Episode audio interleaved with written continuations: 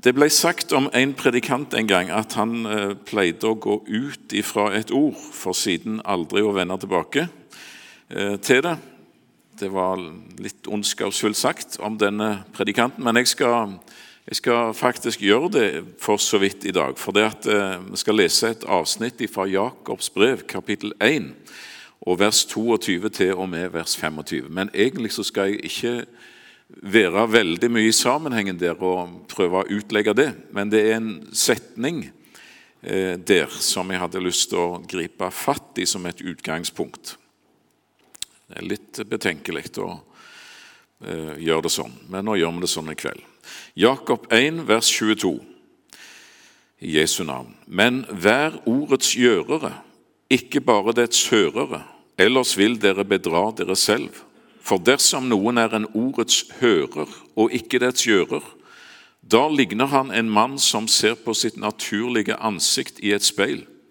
Han så på seg selv og gikk bort og glemte straks hvordan han så ut. Men den som skuer inn i frihetens fullkomne lov og fortsetter med det, slik at han ikke blir en glemsom hører, men gjerningens gjører, han skal være salig i sin gjerning.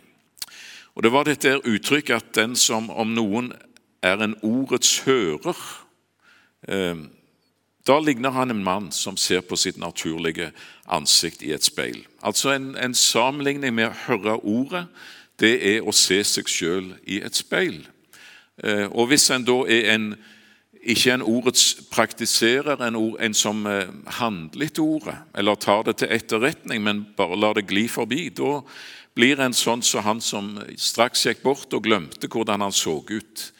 Eh, og så kommer denne formaningen, denne oppmuntringen om å være en, en ordets gjører.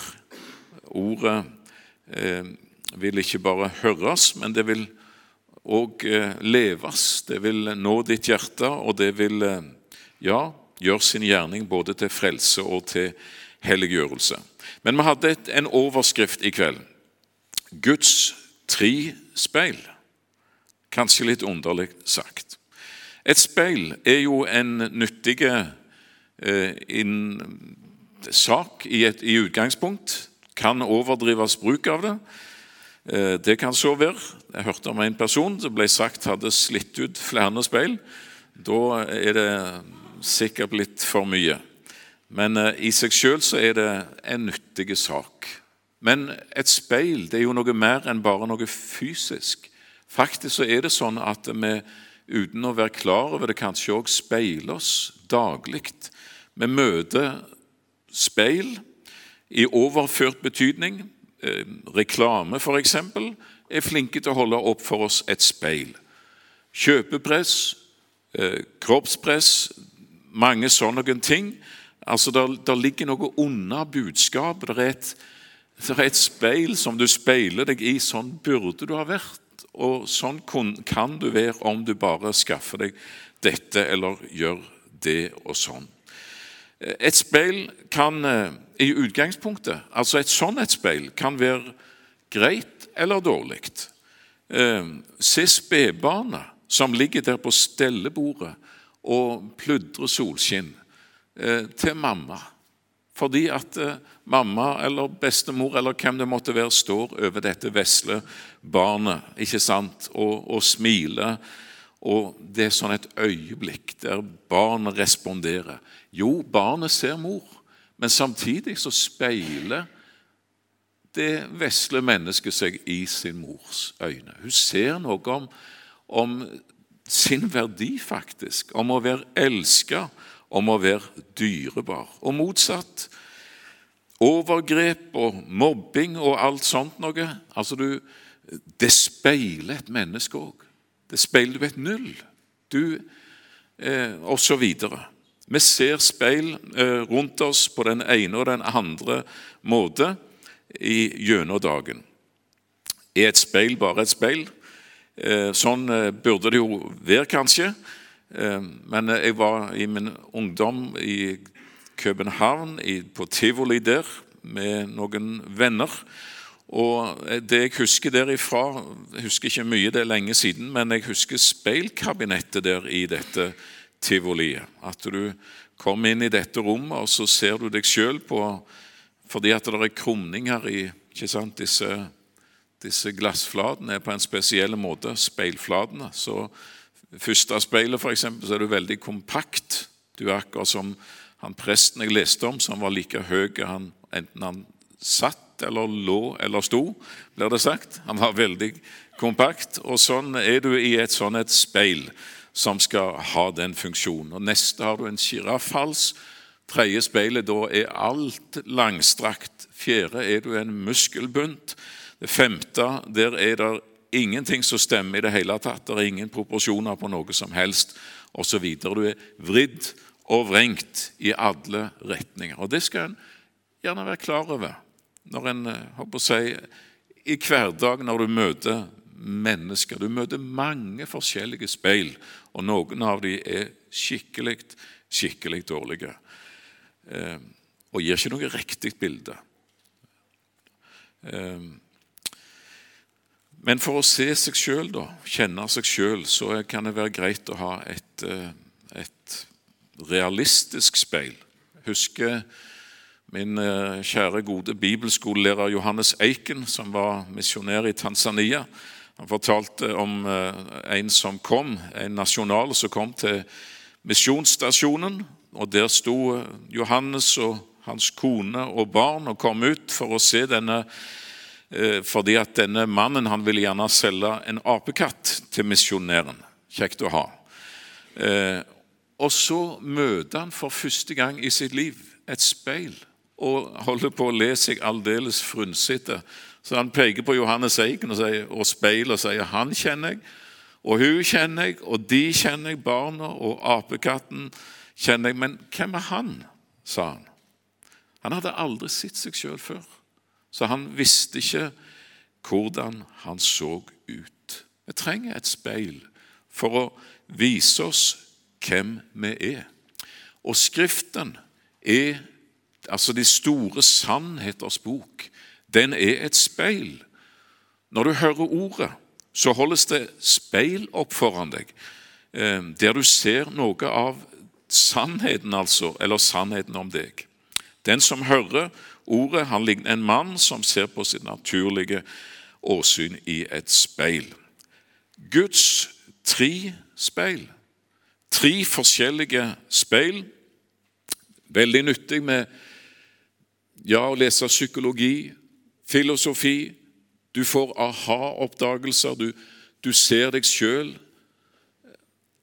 Faktisk, du, du, plutselig så leser og speiler du deg sjøl og, og, forstår litt mer av deg sjøl.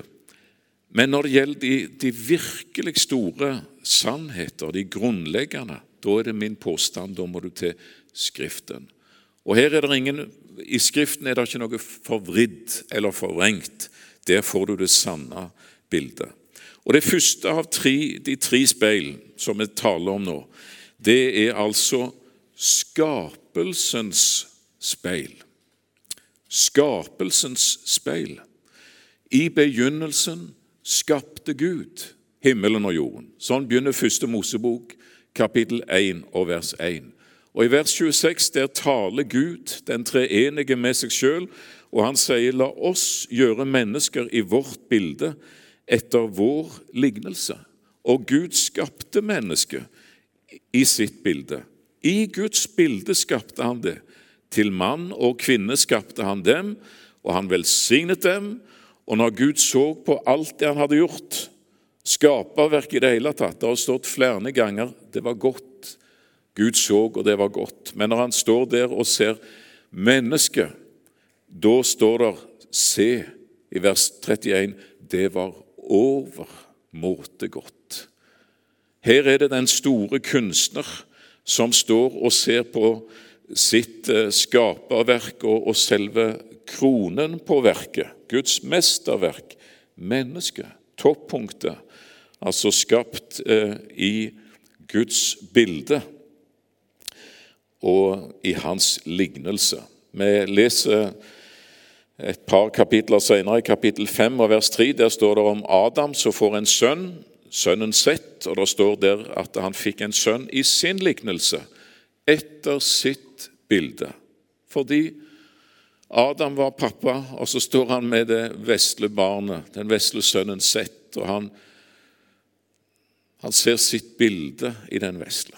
Ikke sant? Det har noe med nærhet og tilhørighet og alt dette å gjøre. Det er uforglemmelig. Det er livsforvandlende. Du står der med et lite barn i hendene som er noe av deg og den du elsker. Det er et under. Det er livets under. Og det er faktisk den, den samme eh, språket Gud taler bruker når han taler om mennesket i, i forhold til seg. Skapt etter hans lignelse, etter hans bilde, som en helhet, som kropp, sjel og ånd. Og det er denne åndsdimensjonen som skiller mennesket fra dyra, som gjør det til noe mer enn en alt det andre skapte, som gir denne tilknytning til Han som er ånd, og så står det i Predikanten 3 og vers 11 at han har lagt evigheten i ditt hjerte. En hel evighet ifra det øyeblikk ditt vesle hjerte slo sitt første slag, så rommer det en hel evighet og skal aldri Altså, din historie har ingen avslutning. Det er menneskets storhet, og du ser det i skapelsens speil i Skriften, i det som, dette speilet som eh, Bibelen holder opp for deg når det taler om skapelsen og mennesket og dets verdi. Og David han eh, har, tenker paradokset egentlig i Salme 8, når han står under stjernehimmelen og føler seg veldig, veldig liten når jeg ser Salme 8, vers 4. Når jeg ser din himmel, dine fingres verk, månen og stjernene, som du har satt det, hva er da et menneske? At du kommer i hu, ham i hu. Et menneskesønn, at du ser til ham i dette veldige univers der jorda er et lite fnugg, og så ser du meg og vet til og med hvor mange hår jeg har på hodet. At du ser til ham. Og så kommer paradokset. Du gjorde ham, altså mennesket, lite ringere enn Gud. Med ære og herlighet kronte du ham. Det er stort å være menneske. Det er noe veldig stort. Du er skapt av Gud, og du er skapt på den helt spesielle måte til samfunn, eh, til nærhet, til at han ville ha en hel evighet i sammen med deg. Og der Et ord en gjerne bruker, menneskeverd, det er et, et honnørord som brukes i mange sammenhenger. Og Jeg leste her forleden i FN sine, sin menneskerettighetskonvensjon, der de snakket om mennesket og dets verdi, og det sto veldig mange fine ord. My, veldig mye du kunne nikke til. Problemet er jo når, når det skal begrunnes. Ikke sant? Da sliter FN. Da har du den følelsen at det er en ballong som svever der oppe, og det skal bare et nålestikk før eh, det går galt. For det, det, er, ikke, det er ikke forankring. En prøver å begrunne menneskeverdet, men en, en mangler egentlig eh, mangler begrunnelsen. Iallfall er det min opplevelse når jeg leser det de skriver. Og når en snakker om menneskedyret i dag som et dyr iblant andre dyr, ja, hvorfor, hvorfor skulle et menneske ha en sånn en uendelig verdi, da? Hva er det som gir mennesket verdi? Eh, I dag når jeg så og skrev på denne preika, da var min fru i gang med fluesmekkeren, og deisa til opp til flere. Og jeg sa det til henne. 'Du har drept et under', sa jeg til henne. For det er ufattelig eh, avanserte skapninger. Aldeles ufattelig. Måten de flyr på, alt dette her, og fasettøyne som de har, med tusener av fasetter med, som registrerer og måler hastighet. Det er så avansert at dine og mine øyne det blir ingenting i sammenligning. Og ikke kan vi fly på klumsete vis heller engang. Det er avanserte skapninger. bare drep de likevel. Eh, men hvorfor skulle et menneske være mer verdt enn ei flue, f.eks.? Eller en blåhval? Eller en kamel som kan rulle med øynene uavhengig av hverandre? Det er jo en misunnelsesverdig egenskap. Og ei svale med sin retningssans og gyroskop som kan finne veien og smette under, akkurat under den samme taksteinen som den forlot eh, mange måneder tidligere. Hva er det som gjør Hvorfor er et menneske mer verdt? Ja, Bibelen grunngir det. Bibelen forklarer det. Bibelen gir deg det absolutte og på å si din absolutte verdi, ganske enkelt ved det faktum at du er menneske, at du er skapt i Guds bilde, til samfunn med Han, med en hel evighet i ditt hjerte. Og når du ser det, når, når synda er kommet inn, og du ser den prisen Gud betaler for deg, det offeret han bringer Det er ikke noen pris som er for høy. Det er ikke noe offer som er for stort. Du leser din verdi i det. Her er det Guds egen sønn som gir sitt liv for min skyld, fordi jeg hadde kommet bort ifra han. Han elsket meg og gav seg selv for meg. Galaterbrevet 2 og vers 20. Det er helt personlig. Du leser din verdi i skapelsens speil, rett og slett, eh, som menneske. Vi skal ikke kunne, vi kunne nok og burde ha talt mye mer grunnleggende om det, men så mye sagt. Og så er det en befrielse, da, å være skapt av Gud. Å slippe å stå foran ateismens speil og se bare en tilfeldighet. Ikke sant? Hva er verdien? En stund lever en, og så blir en borte. Eller i, si, i, i kapitalismens speil, eller eh, bruksverdiens speil. Men å se at, eh, eh, som det står i Salme 139, når David står foran skapelsens speil der og takker sin Gud Salme 139 og vers 13. Fordi du har skapt mine nyrer. Du formet meg i mors liv. Jeg priser deg fordi jeg er virket på forferdelig underfull vis. Underfulle er dine gjerninger. Det vet min sjel så vel. Mine ben var ikke skjult for deg.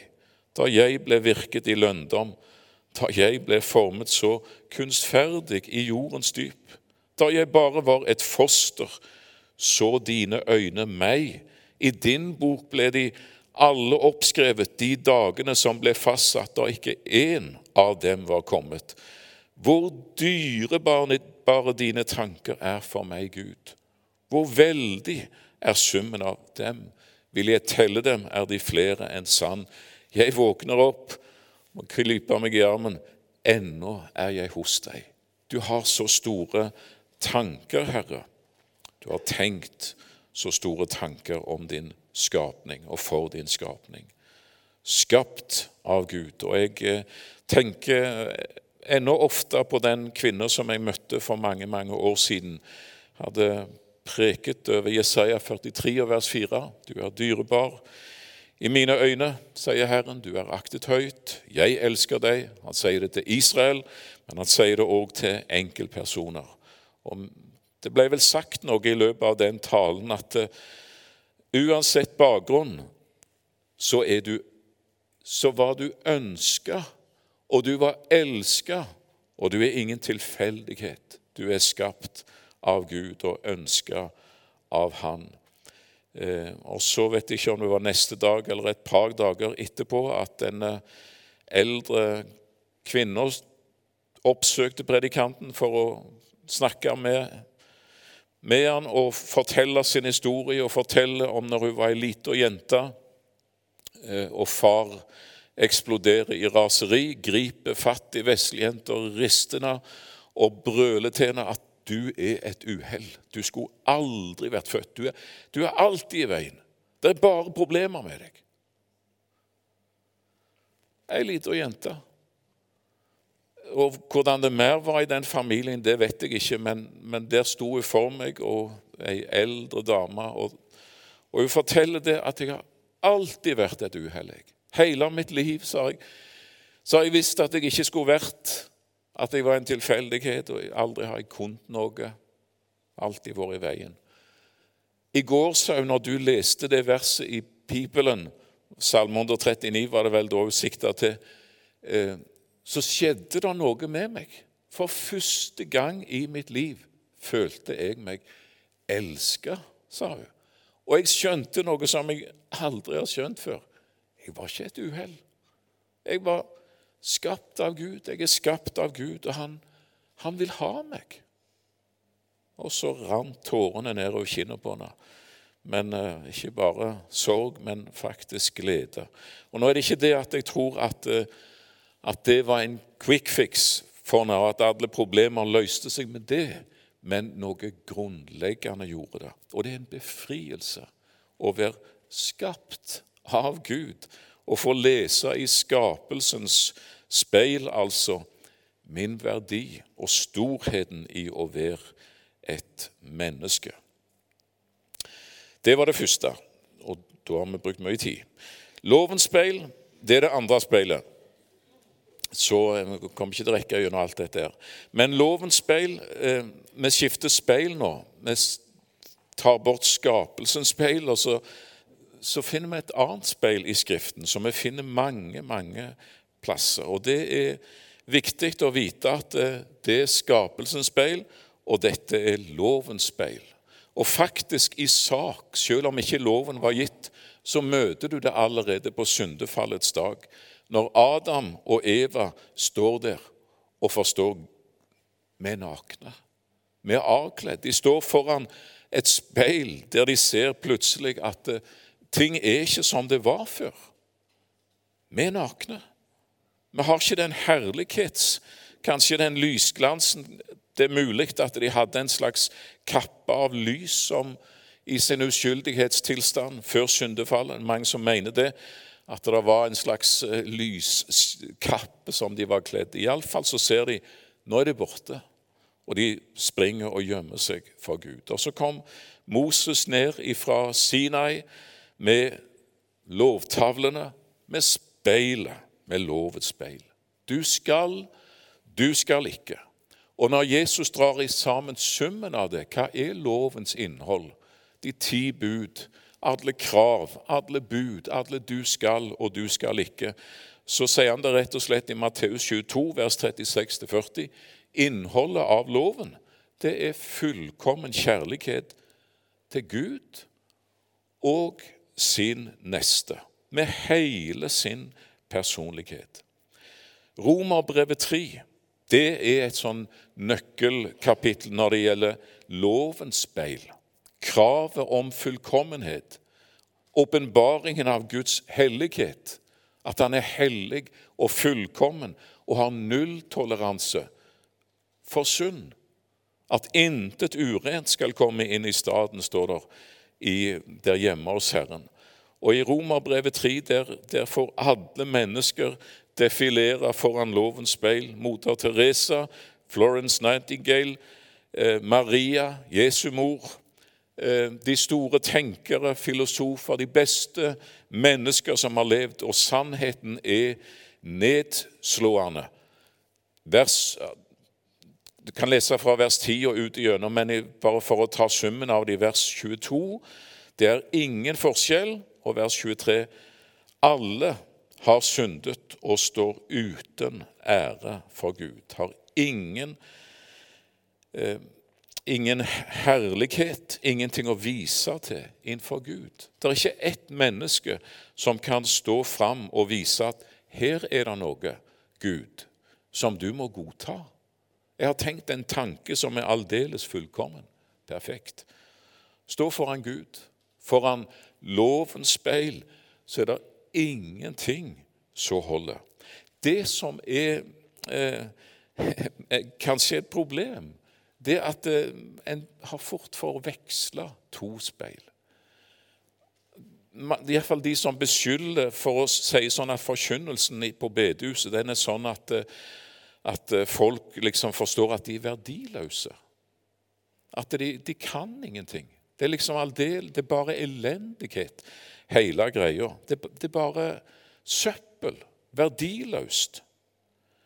Da har en blanda speilene. Det kan være forkynneren, forkynnelsens skyld, og det kan være tilhørerens. Men skapelsens speil, der ser du sannheten om deg sjøl som menneske. Og din verdi som menneske er ikke blitt mindre av det faktum at du er en synder. Du er ikke devaluert. Du har ikke mista noe av din, ditt menneskeverd, din verdi hos Gud som menneske, ved det faktum at du er en synder. Det er et annet speil. Og en, en, må ikke forstå eller blande de sammen, sånn som jeg hørte om ei dame Det var en predikant som kom og skulle ha møteuke og skulle bo hos de, og det begynte.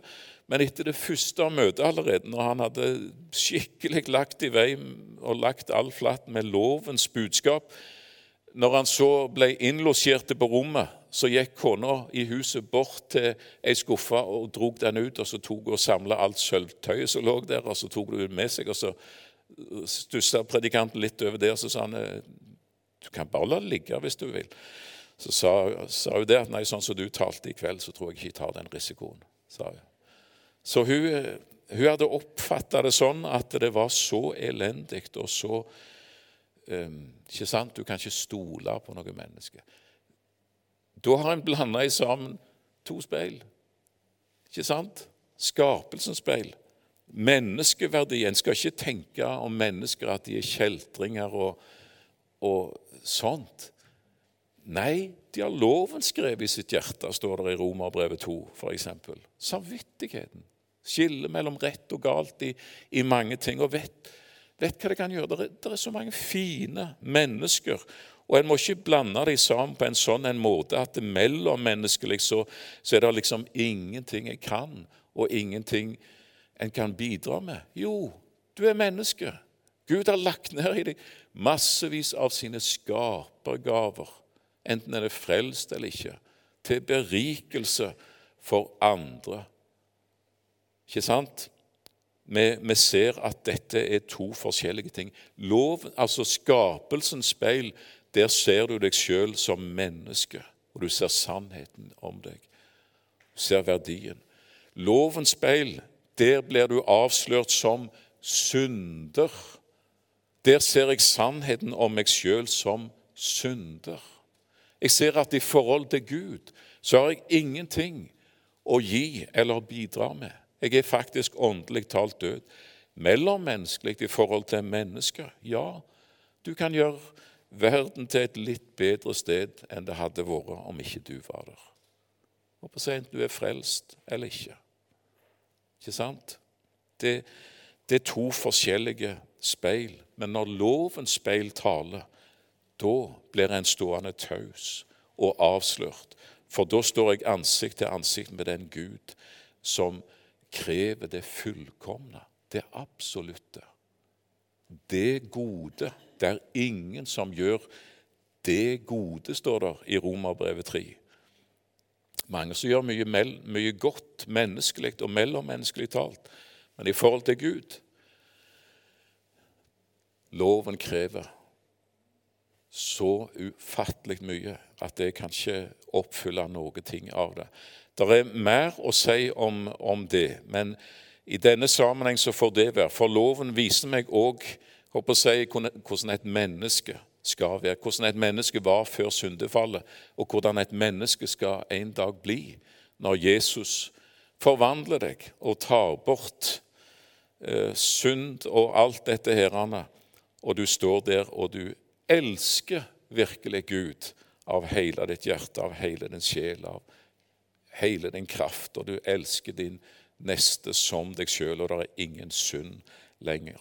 Men i denne tid så er dette lovens hovedoppgave, kan du si. Ved loven kommer erkjennelsen av synd, sier ordet. Og Galaterbrevet sier at loven er vår pedagog til Kristus. Det er den som viser oss veien. For jeg hadde ikke sett det av meg sjøl at jeg var en synder, en, en fortapt synder. hvis jeg ikke hadde sett meg sjøl og speila meg i, i, Ordet.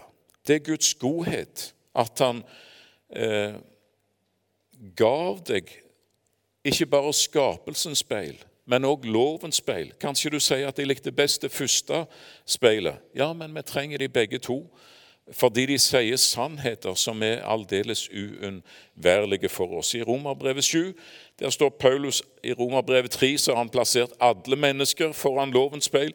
I Romerbrevet 7 så står han der helt alene foran lovens speil. Og han, han må erkjenne det at eh, jeg døde, skriver han noe om fra vers 9 til 12. Og jeg, jeg, det er ikke noe godt som bor i meg, i mitt kjøtt. I Paulus, sånn som han er av naturen. Ingenting som Gud kan si er fullkomment og holder hans standard. Og Når han står der foran speilet, lovens speil, så utbryter han i desperasjon, vers 24, 'Jeg elendige menneske, hvem skal fri meg fra dette dødens legeme?' Og så kommer den fine sammenhengen som mange av dere kjenner. Så går du til Jesus, og så får du høre om et annet speil et vidunderlig speil, og det skal vi slutte av med. Men jeg tenkte på min kjære romkamerat på Kvås folkehøgskole eh, når jeg gikk der i mine yngre år. Og vi var, vi var liksom sånn det var to personer på hvert rom. Og jeg og Dag Ottar vi delte rom. Og jeg husker den morgenen når han sto opp etter reveljen hadde lydd opptil flere ganger. og eh, Det var typisk. Og så vakla han mot speilet over vasken med håret vilt strittende til alle kanter og øynene sammenklistra. Stiller seg foran speilet, myser opp, står der ei lita stund, og så sier han 'uff, for et speil', og så tar han ganske enkelt og løfter det opp og snur det imot veggen. Så det var Dag Otter sin medisin. Eh, og jeg måtte si det, at det er ikke problemet er ikke speil. Det sier bare sannheten, Dag Otter. Så, og det bør vi gjerne huske på, for det, at, eh, sant, det er fristende å snu det speilet. Er dette meg? Er dette meg? Så så mye fint i skapelsens speil, og plutselig så står jeg foran et helt annet speil, og jeg er fortapt. Jeg er fortapt. Jeg er en synder tvers igjennom alt. Ja, men akkurat som du er hos legen og får en diagnose, og den diagnosen den er Poenget med den er at du skal få medisin, den rette medisin. Så er det jo derfor Gud i sin nåde har gitt oss lovens speil, for å vise oss sannheten, for å vise oss frelsesbehovet, for å føre oss fram til det tredje og siste speilet. Det finner du overalt i Skriften. Det er Skriftens hovedspeil.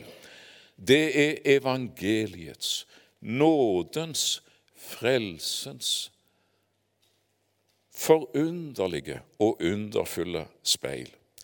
Der ser du Jesus, hellig, ren, fullkommen, full av kjærlighet. Der ser du hans, eh, hans person, og der ser du òg hans offer og hans frelse som han har brakt deg. Men ikke bare ser du Jesus. Det er akkurat som spedbarnet vi snakket om, som ligger der på stellebordet og eh, er elska av sin mor, sin mamma, sin pappa, hvem det måtte være som står over, og som responderer med, med solskinn og smil og latter og pludring.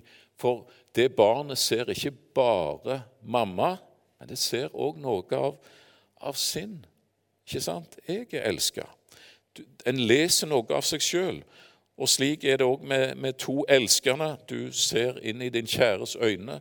Du ser den personen, men du ser noe om deg sjøl òg. Ikke sant? Du ser, du speiler deg sjøl. Du er elska. Og her er det slik med, med evangeliets speil, der du ser Jesus, frelsen, og så ser du deg sjøl i Kristus. Du speiler deg sjøl i en helt ny virkelighet i Kristus. 164 ganger brukes det uttrykket i Det nye testamentet i Kristus. Det repeteres og repeteres og repeteres. Og det er Paulus sitt eh, spesialuttrykk, får vi gjerne si, i Kristus. Altså du er lukka, Et Guds barn er lukka inn i og favna og omfavna av denne frelse og denne frelser. Og Paulus står foran evangeliets speil i 2. Korinterbrev kapittel 12 og vers 2, og han sier, 'Jeg kjenner et menneske i Kristus'. Det er meg sjøl jeg snakker om, sier han. Det leser vi jo mellom linjene. Men jeg kjenner et menneske i Kristus. Jeg er ikke sånn at jeg, jeg går bort, sier han, og så glemmer jeg straks hvordan jeg ser ut. Jeg kjenner meg sjøl sånn, sånn, som jeg er. Jeg har også stått foran skapelsens speil.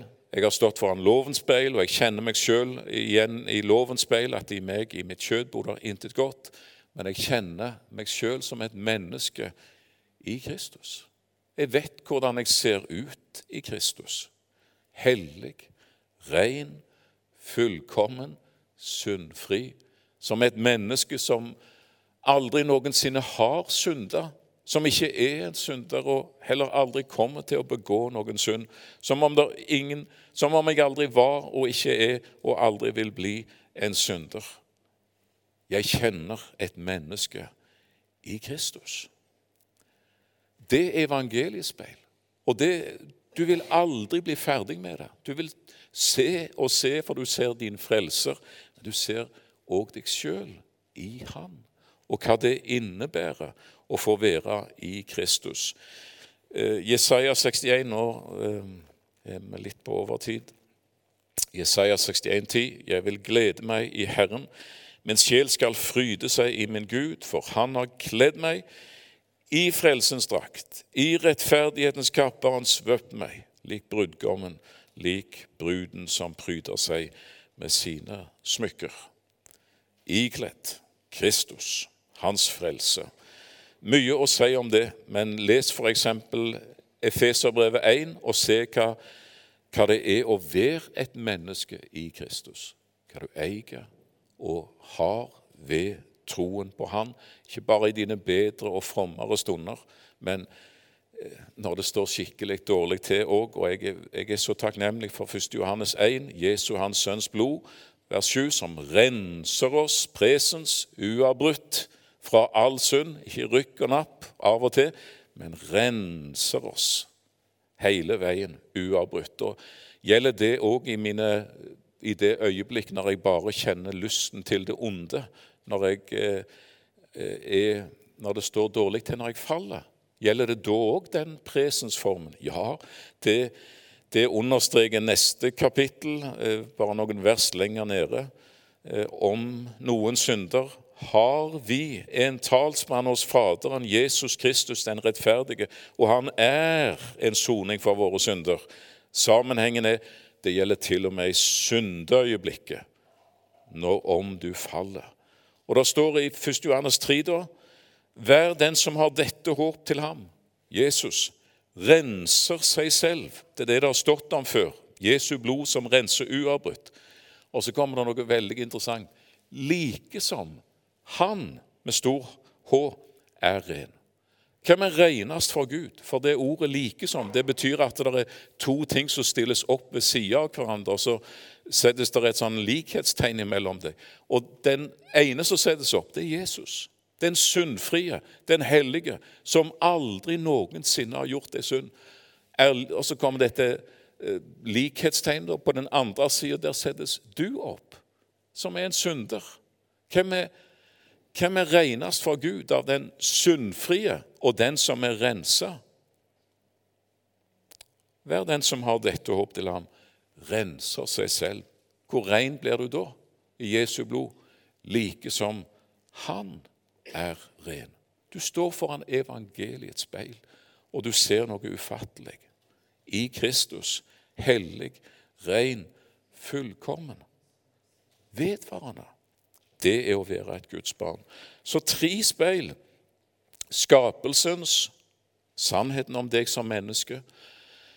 Lovens speil, sannheten om deg som synder. Evangeliets speil, sannheten om deg som den som hører Jesus til. Så Det håper jeg for den enkelte av oss, at eh, vi må være iblant de som har tatt imot Jesus. Og Hvis ikke så kan det faktisk skje nå og i kveld og i dette øyeblikk.